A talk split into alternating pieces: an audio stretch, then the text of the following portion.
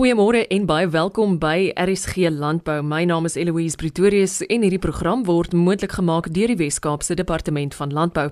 Daar is soos altyd kundige gaste wat by my aansluit en hulle gaan jou van nuttige inligting voorsien. Ons bespreek vele tegniese aspekte wat met jou boerdery te doen het. So, kom ons skink die eerste koppie koffie van die dag. Dis vir my soos altyd baie lekker om saam met jou te kuier. Bewaringslandbou Wes-Kaap verskaf 'n forum waar produsente, navorsers en die bedryf saamkom gesels oor bewaringslandbou sake. Dit sluit in minimum grondversteuring, diversiteit deur wisselbou en maksimum grondbedekking deur gewasresidu. Die Wes-Kaap Bewaringslandbou Kongres is ook in Augustus vanjaar by Elsenburg net buite Stellenbosch gehou. Dr. Johan Strauss is van die Wes-Kaapse Departement Landbou en is 'n senior navorser in die Direktoraat Plantwetenskappe. Hy is ook 'n kenner op die gebied van volhoubare produksiestelsels en hy's veral passievol oor bewaringslandbou praktyke. Ek het hom uitgevra oor onlangse bevindinge wat tydens vanjaar se kongres onder bespreking was. Ons is uh, vir jaar in in 'n interessante jaar wat wat die uh, bewaringslandbou aanbetref in die Weskaap. Die aanvanklike voorspellings na laas jaar se se droër jaar was veral in die Suid-Kaap was dat die Suid-Kaap vir jaar 'n bietjie beter reën gaan um, ontvang as die Swartland. En op hierdie stadium lyk dit nou net mooi anders te om. Ons proewe op langgrens lyk uitstekend. Uh daar's baie interessante goeders wat ons vir jaar hoop om te sien in terme van nuwe gewasse wat ons geplant het en um, ons het so 'n bietjie begin speel met tussen uh, gewasverbouing of Engels word ons intercropping. Uh so kyk of daar iets vandaan kom. Ons het vir jaar vir die eerste keer kekerertjies of chickpeas geplant en um, om te kyk na moontlike alternatiewe vir ons vir ons boere en um, in die Suid-Kaap vir jaar uh, waar ons laas jaar soos ek sê 'n baie droë jaar gehad het en lyk dit goed uitstekend op Ribbersdal en selfs in die Napkei wat 'n baie baie droë area is. Um op Tuigeroep is weer 'n ander prentjie. Um ons verstaan glad nie die weerpatrone vir jaar. Ons het vir jaar nou al minder reën gehad as wat ons in die uh, te, van die begin van die seisoen af as wat ons vir hierdie jaar gehad het. En laas jaar die op Tuigeroep was maar 143 mm reën in die seisoen en ons het van ons beste oeste afgehaal wat net my sê dat die bewaringslandboustelsel regtig werk vir ons. Uh interessant, ons doen ook redelik baie werk dan met dekgewasse.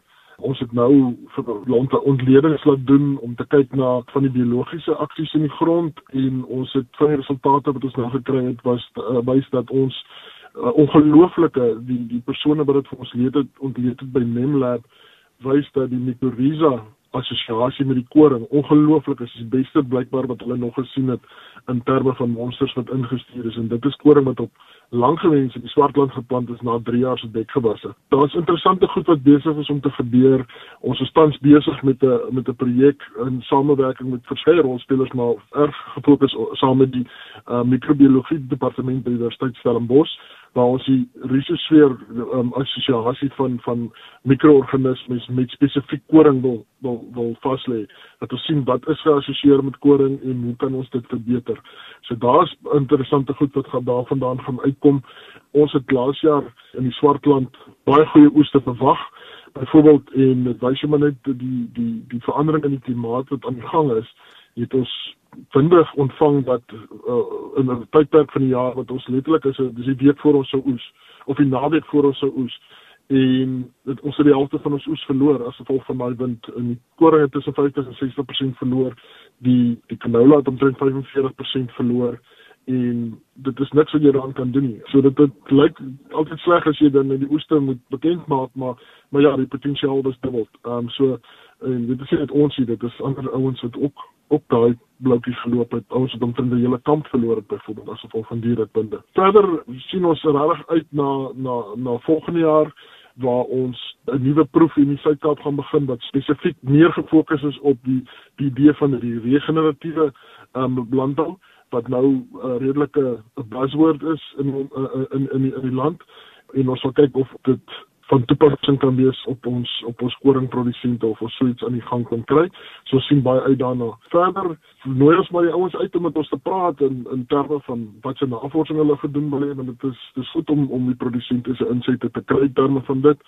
Want dis hoekom ons navorsing doen is om om ons ons produsente se lewe te vergemaklik en goeders te toets.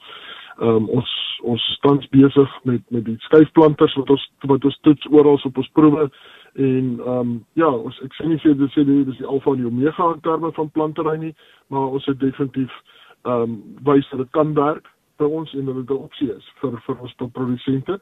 Maar uh, ja, soos ek sê, dit is dis lekker om om praktiese navorsing te doen wat wat regtig vir die bedryf iets beteken. Uh, e-pos of op my of op my selfoon kan hulle my kontak. My e-posadres is Johan met 'n dubbel N is t@elsenburg.com en my selfoonnommer is 082 907 3109. Dr. Johan Strauss is van die Wes-Kaapse Departement Landbou, 'n senior navorser in die Direktoraat Plantwetenskappe en kenner op die gebied van volhoubare produksiestelsels. En soos jy nou gehoor het, is daar ook heelwat nuwe en interessante gesprekspunte wat bewaringslandbou betref. Ons volgende gas is 'n bekende naam in mediakringe en iemand wat al baie diep spore ook in landbou gelaat het. Ban Booyens is voormalige redakteur van die koerant Die Burger en aanbieder van die TV-program Mega Boere. By die Agri Weskaap Jongboer van die jaar 2019 kompetisie wat 'n tydjie teruggehou is, was Booyens een van die geleentheidssprekers. Die onderwerp van sy toespraak was: "Wat maak van 'n boer 'n goeie boer?" Ek het hom gevra om die betrokke boodskap ook met my te deel en ek wou by hom hoor wat was van die blywende indrukke wat die boere van ons land op hom gemaak het tydens die onlangse vervaardiging van die landbouprogram Mega Boere. Eloise, ja, die die opvallendste ding wat ek teëgekom het, is miskien twee goed. Die eerste ene is risiko en die tweede ene is onderhandeling. Die die boere wat ek tydens megaboere mee teëgekom het, is as ek een ding moet uitsonder, dan is dit hulle vermoë om risiko te kwantifiseer en eintlik wat hulle doen is dan om veranderlikes te omskep in konstantes. En dis mense wat met ander woorde nie net hoop dat iets beter gaan wees hierdie seisoen en dat die groot uitsondering gaan wees nie, maar dat hulle amper volgens die slegste scenario 'n plan maak, soos een persoon gesê het, uh maak 'n plan dat jy kan boer tot Januarie sonder reën en dan daarvolgens gaan. En ek ek dink daai eienskap maak dat hulle deurkom. En ek dink 'n tweede ene is en dit is interessant Eloise, niemand het dit uitgesonder self nie. Ek dink nie ons boere weet hoe goed hulle is met onderhandeling nie. Dit is 'n onderskatte bate in jou arsenaal as jy weet hoe om te onderhandel en van hierdie mense onderhandel moet miskien die moeilikste en strafste onderhandelaars in Suid-Afrika naamlik kettingwinkels om maar een voorbeeld te noem. En as jy met hulle praat dan kom jy agter dis mense wat opdaag by so 'n gesprek met 'n mandjie vol voorstelle waar hulle goed kan uithaal om die las ligter te maak of goed kan byvoeg om dit aantrekliker te maak en hulle hulle praat die taal van hulle opponente. Hulle nie opponente tegnies nie, maar ek bedoel dit is nie maklik om byvoorbeeld rakspasie te kry in 'n kettingwinkel nie.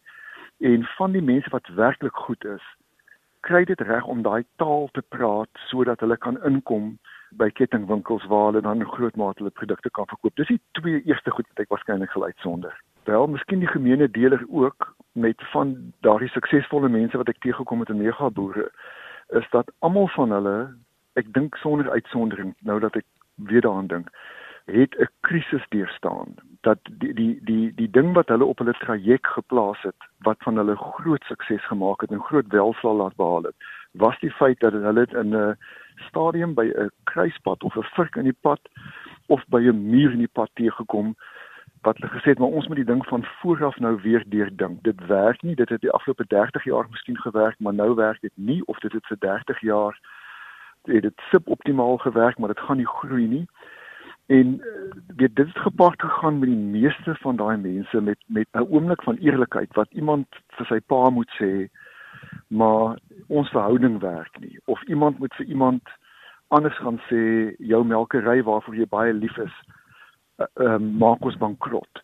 En die, die interessante ding ek dink dis mense wat wat vanuit daai krisis uit en as ons nou maar Suid-Afrika op die oomblik beskou as 'n land wat nogal gestres is is die uitdaging wat nou vorentoe lê waarskynlik om te sê okay hier's 'n krisis watter geleenthede kan ons in dit raak sien en ek wil nou nie so 'n Chinese wysgeer klink, weet van elke elke krisis is 'n geleentheid nie.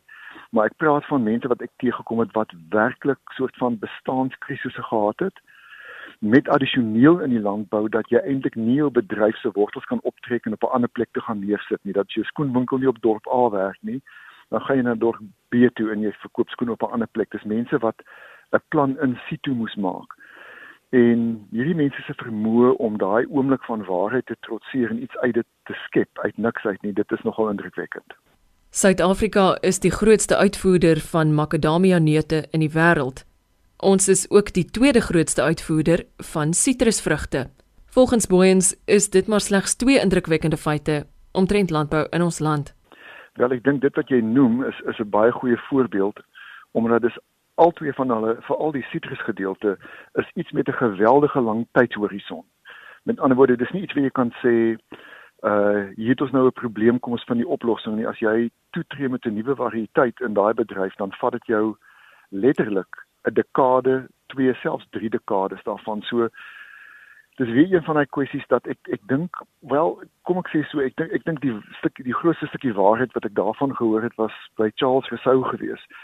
Ehm um, wat bo by Delmas boer ehm um, wat gesê het jy kan nie halfpad bang wees nie. Jy moet of regtig bang wees of baie dapper man enigiets tussenin werk nie. En ek dink dis miskien die groot uitdaging wat almal van ons in die gesig staar. Dit klink nou baie teatraal, maar Voltaire het weet destyds gesê weet as die bloed in die strate vloei koop grond koop eiendom Ehm um, en dis wat dis wat die Resous gedoen het dat hulle in 93 94 voor die verkiesing het hulle klomp beleggings gemaak en in in in die vroeë 2000s met die bankkrisis en dis mense wat die dapperheid het om te sê maar ons gaan hierso wees ons is hier om te bly krisisse gaan verby weet 'n uh, uh, uh, donker dae gaan verby dinge verander, wolke lig. So ek ek dink in daai opsig laat 'n mens die moed eenvoudig moet hê om vorentoe te gaan en nie te talm nie, want daai getalm op die ou einde is goed vir niemand nie, veral nie vir jou eie bedryf nie. Ban laastens, wat is jou raad aan die landbouer van die toekoms in Suid-Afrika? Ek dink dit is miskien om te besef dat dit is nie meer landbou per se nie. Dit is dikwels eweveel uh, agribesigheid. Dit is eweveel bemarking. Dit is eweveel gewone besigheidkundigheid wat jy in jou bedryf moet inkry. Jy weet 'n plaasbestuurder destyds is anders as 'n plaasbestuurder nou. Jy weet die die seuns wat plaas toe kom by wyse van spreuke het 'n bekom of iets anders en wat beteken dis nie net 'n kwessie iemand iemand gaan terug plaas toe nie. Ek dink die die boodskap vir vorentoe is om te besef dat dat jou bedryf is nie net 'n landboubedryf nie. Dit is 'n bedryf wat jy moet kyk as enige ander bedryf en jou planne daarvolgens moet maak. Ehm um, die opvallende ding wat ek teëgekom het is die uitstekende bemagtigingsprojekte wat mense het.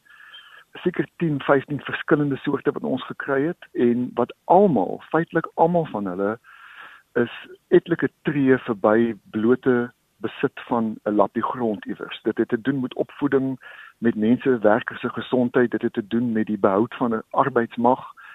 So ek dink ek dink iets wat mens vorentoe moet vat is ek ek hoop van harte dat die die regering kan geskuif word om verby te kyk as blote landelike grondbesit as die antwoord op alles. Uh dit dit gaan nie werk nie en hulle kan gerus by die landbou gaan kers opsteek van die die uitstekende planne wat daar buite reeds beproef is en wat reeds werk.